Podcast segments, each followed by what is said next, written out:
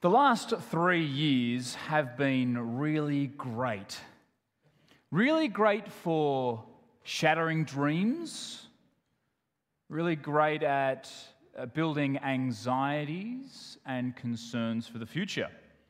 I'm not sure about you, but have you had any of your anxieties, your concerns for the future, your dreams revealed because everything stopped?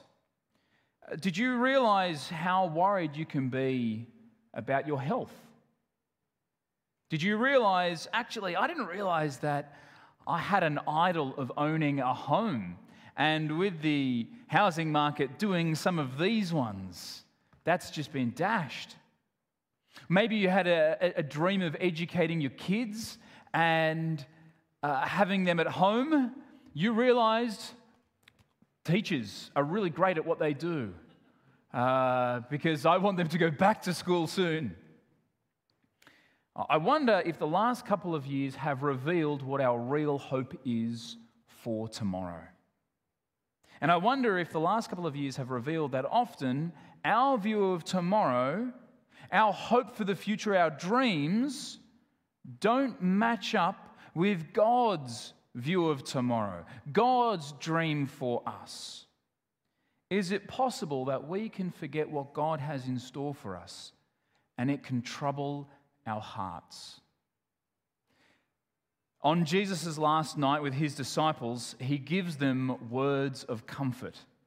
He has just told his disciples that he is about to be betrayed, he's about to be crucified, and to come back to life. And his disciples are rightly unsure and confused about this. So Jesus sets their eyes on the future one where God is sovereign. The future where God is sovereign because he's sovereign now and he's sovereign tomorrow, where God is sovereign and in control, and where there is no uncertainty or worry in the future. And the challenge and the call for us today, as we have a look at God's word, is to be reminded of God's vision for us for tomorrow.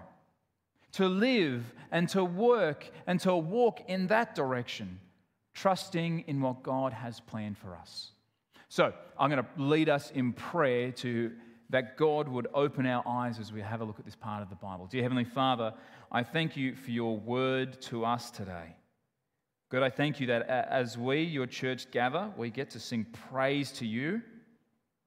We get to spend time together as your community and we gather around your word. Heavenly Father, I ask that you would give us much humility as we think about our hopes and our dreams for tomorrow. Remind us of how great you are and how wonderful your plans are. We pray this in your Son's name. Amen. Two points this morning. We'll start with the Father's house. And we start with Jesus' wonderful words of comfort. And this morning we're going to spend the vast majority of our time in the first six verses. I almost wanted to preach a whole sermon just on the first four verses, uh, but we'll extend it out to the first six today. And so we start in verse one Do not let your hearts be troubled. You believe in God, believe also in me. Jesus is the one who is headed to the agony of the cross. He was recently, just a couple of chapters before, deeply troubled in heart and in spirit.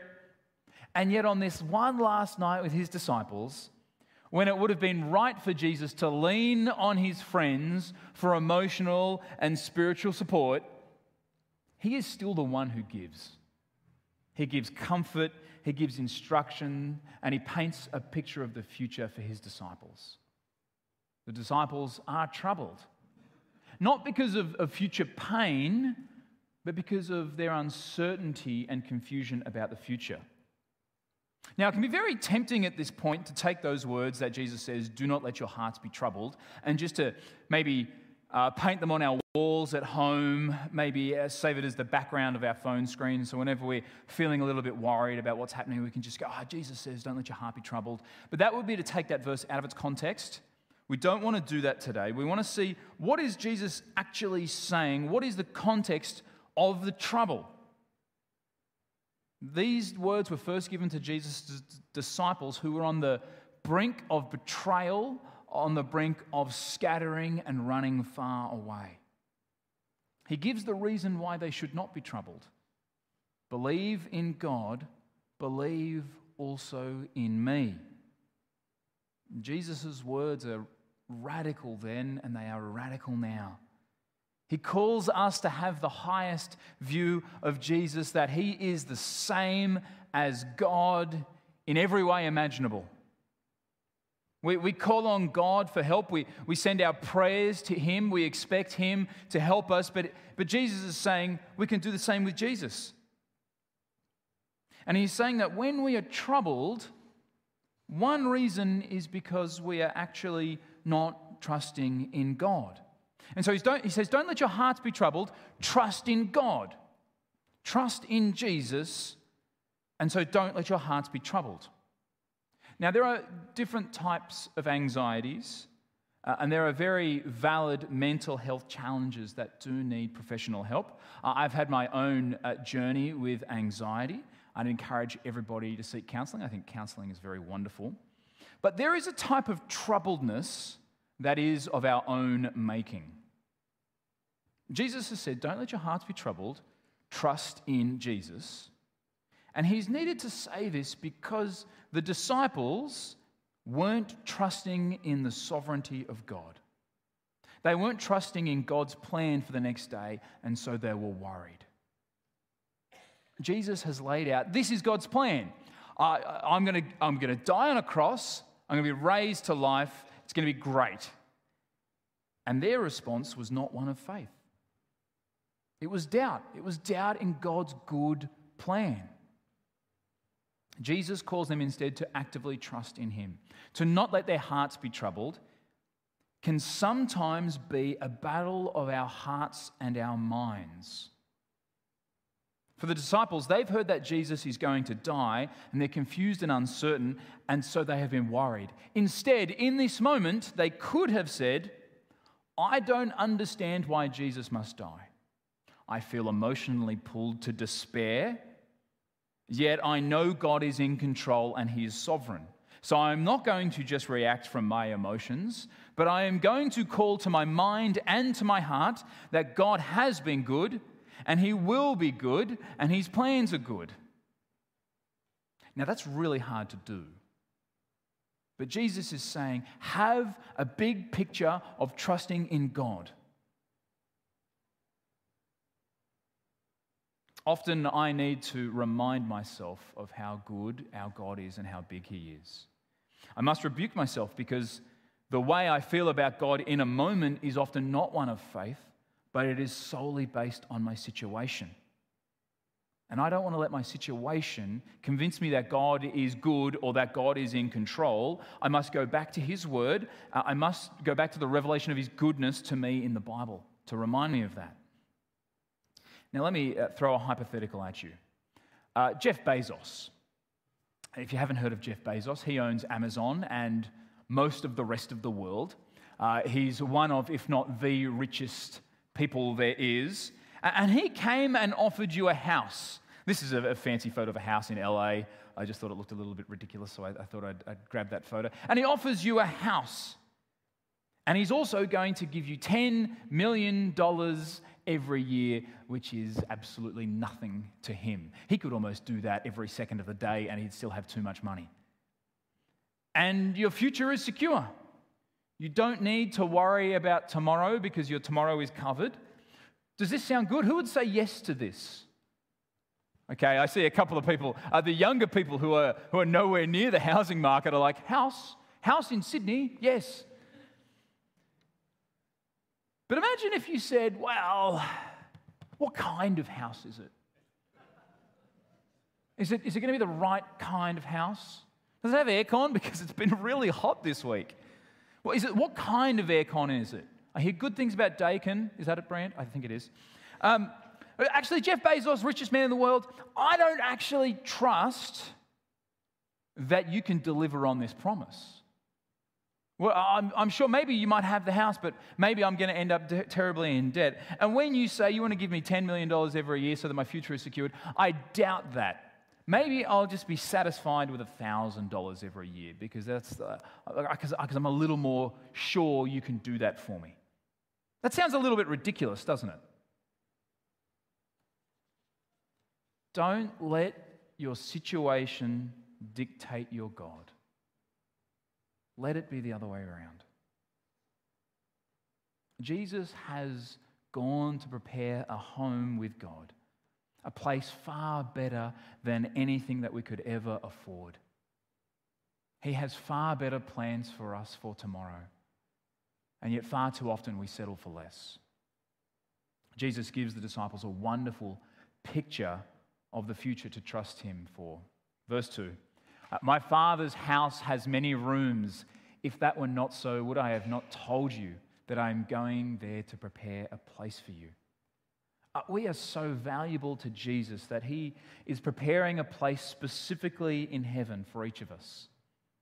Uh, I'm not sure how you view life after death, whether it's, it's clouds or a place where angels are strumming harps. Uh, but, this, but this future we have has been specifically designed for us. Uh, we live in a, in a house in Tallawong, uh, and it's probably similar to many houses uh, that have been built in, in Sydney and in Western Sydney, in particular over the last couple of years. Uh, we live in a two story house, so it has bedrooms upstairs, and then there's the living, dining, kitchen, laundry, all those things downstairs. Uh, in, in Western houses, it seems for many years, there is a separation, a separation of bedrooms and communal living areas. But the picture of the home that Jesus is talking about is not like that.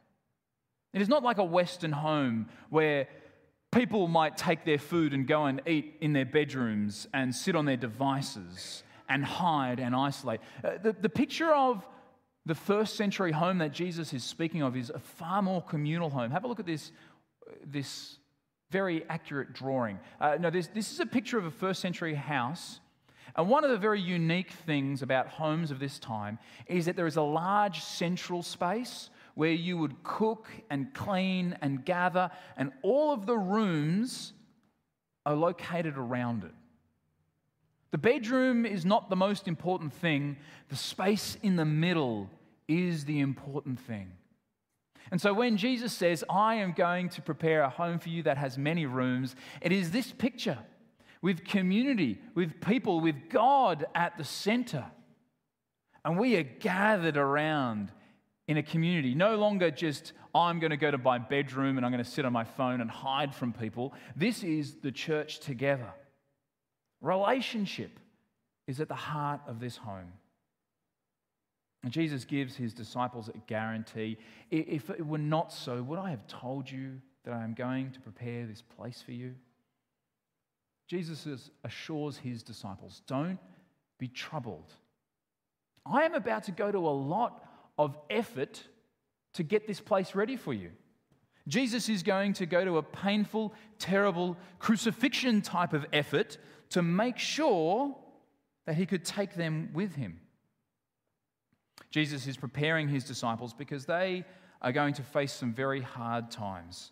They're, they're going to face an angry mob. They're going to be labeled outsiders. They're going to be kicked out of the temple, which is key to their identity as Jews. They're going to be forced to flee Jerusalem. They're going to be sent away from family and friends, all because of Jesus. And so Jesus says, I have a home ready for you. This world is not your home. I am getting a home ready for you. And have confidence that I will take you to be with me. Verse 3, Jesus says, And if I go and prepare a place for you, I will come back and take you to be with me that you also may be where I am. Have confidence, I am going there, and I will come back to get you. Uh, right here in, these, in this verse, we have a wonderful summary of what Jesus does. He's, he's heading to the cross, he'll be raised to life, he'll ascend to heaven, opening the way for us, and then he will return to take us home. To think on our home is to gain courage for this life. Jesus has said, Don't be troubled. Trust in God's plan. Trust that Jesus would, would die, that he would rise, that he would send, and he would come back. And so we get to live waiting for Jesus' return.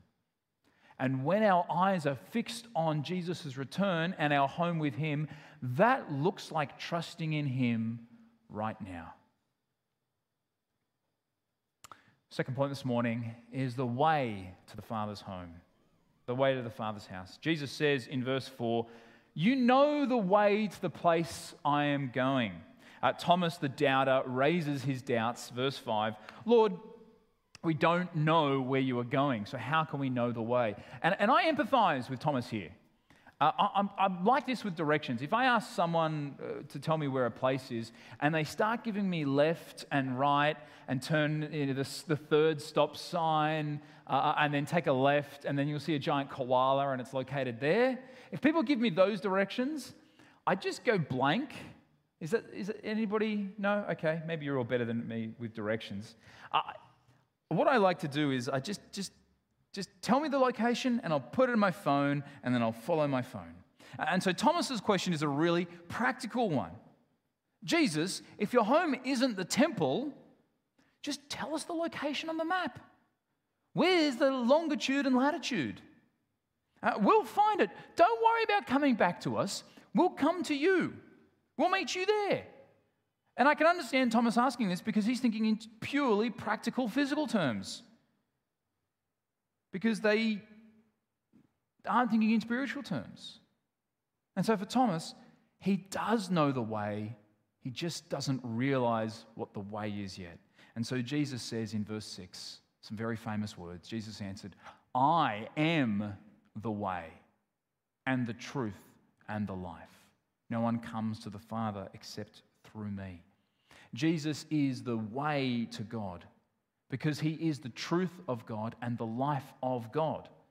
Jesus doesn't just blaze a trail and say, Come and follow me. I will show you how to, to follow God. He doesn't just say, If you do things like me, this is the way. He doesn't just teach us what the truth is, he doesn't just show us an example. The Buddha taught a way to live following the Four Noble Truths. This is a way to live. Jesus is not like him. The postmodern world that we live in will tell you that truth is subjective. Your truth can be whatever you like it to be, you can define it how you like. But truth has been so subjectified so that we can decide what is good for me and what is good for you. And we can say, well, that is your truth. You live your truth. But Jesus himself is not a way, he is the capital W. He is the way. He is not a truth, he is the truth because he is objectively God revealed to us. Many people will tell you how to have the best life. I did a quick Google search yesterday trying to find out the best life. Uh, and here's some options drink Coke, because that's how you get happiness. Here's a book on living your best life, I found I could find 15 TED Talks to help you live your best life. And Oprah, everybody's favorite life coach, will tell you how to live your best life. There was an absolute plethora of these. You could go and find any book, any celebrity pastor, anybody you want, and they will tell you this is the way to have the best life. And we love this idea. I want to do one small trick that'll help give me the best life. That is what we all, it, it seems so simple. But Jesus says that he himself is life. He is not one way to the way to God. He is not one version of truth. He is not giving one type of life that is good. He is the way, the truth, and the life. Jesus himself is the way, he is the life. He's not just a lifestyle. And he embodies life so much because he is life himself that he can be killed and he just comes back to life. Jesus himself is truth because he reveals who God is, the God who created everything. He reveals what truth is. And so Jesus can say, Again, some more radical words in verse 6 No one comes to the Father except through me. Jesus is the only way to God. There's no one else, there's no other path that will save you. No one else can say that they are God. No other faith, no other religion will work out. Only Jesus will take you home to be with God. If we chase our truth, we will be let down. If we chase our way, we'll get lost. If we think we know what the good life looks like, we'll find out that it does not satisfy. Jesus has said he is the only way to God.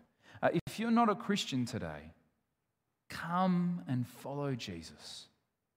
He offers a life that has a secure future, one that he has paid for with his own blood. He gives us a family that will never break up, relationships that are to be marked with love and forgiveness. And Jesus never abuses, but he sacrifices. So come and follow Jesus today. For those who do know Jesus, God is reminding us today to follow his dreams for us, not our own. Do you, do you know what your dreams are for the future? Uh, let, me, let me ask a question. What are the last things you are thinking of as you go to sleep at night? You know, finally your head has hit the pillow. Maybe you're lying there thinking, it's really hot. Uh, I'm looking forward to the next couple of days. It's going to cool down and maybe I'll sleep better. But what are those last things that you are thinking as your head is on the pillow? Is it about success at work the next day? Are you thinking about all the things in your house that needs to get done? Is it, I've got to do these things, I've got to get my kids from this place to this place to this place, they've got to go to school, they've got to go to tutoring, they've got to go to sport and music because I want them to be a success? What happens when we don't get these things? I think pande- pandemic and lockdowns and not being able to work and study, these things revealed we are easily troubled because our dreams and our hopes for the future are easy to dash. Jesus calls us to not be troubled about tomorrow. We don't do this by just ignoring the problems. We, we don't do it by worrying and, and by not having a hope for the future. He says instead to put your hope on Jesus. Put your hope for tomorrow, your hopes and dreams on God's plans. Ones that can't be ended by a pandemic Interest rates don't do anything to God's home. There are no repayments. It has been fully paid for by Jesus' blood. Jesus is the way and the truth and the life.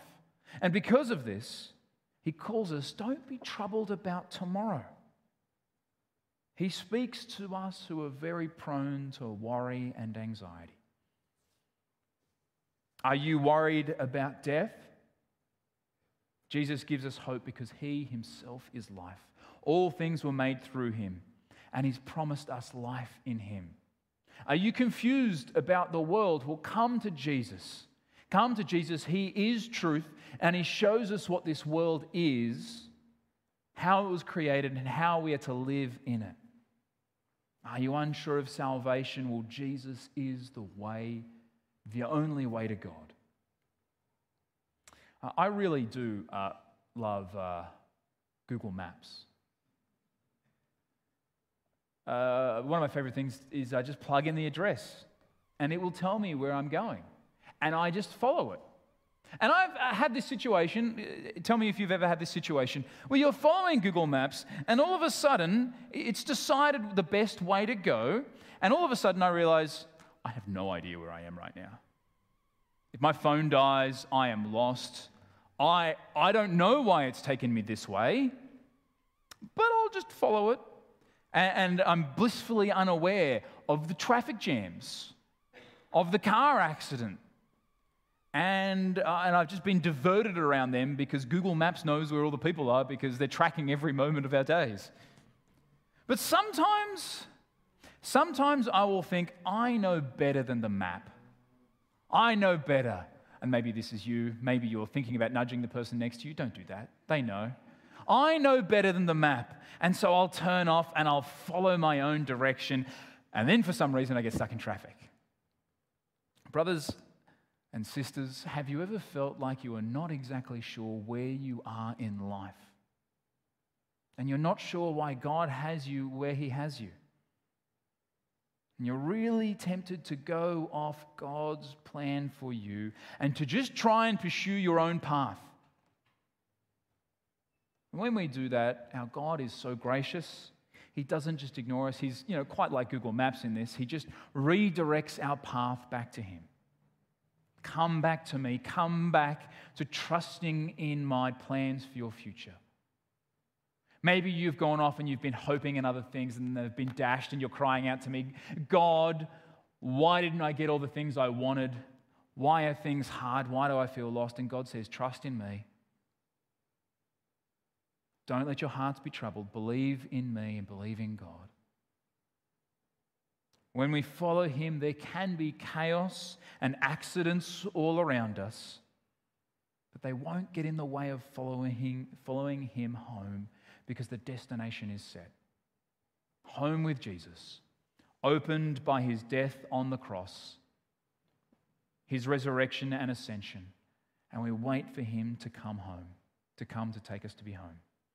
It is very easy for us to forget the wonderful truth of the gospel when we have our eyes fixed on the moment and our dreams set on temporary things? Will you fix your eyes on God's plans for you, on His dreams for you to take us home to be with Him forever? Let me pray. Heavenly Father, there are many challenges, many troubles and many things that cause us worry in our lives. Heavenly Father, we ask that you would give us, that you would remind us of how good you are to us in Jesus. Fix our eyes on you. Help our hopes not be for tomorrow, but the tomorrow that is with you, Lord. We ask this in your Son's name. Amen.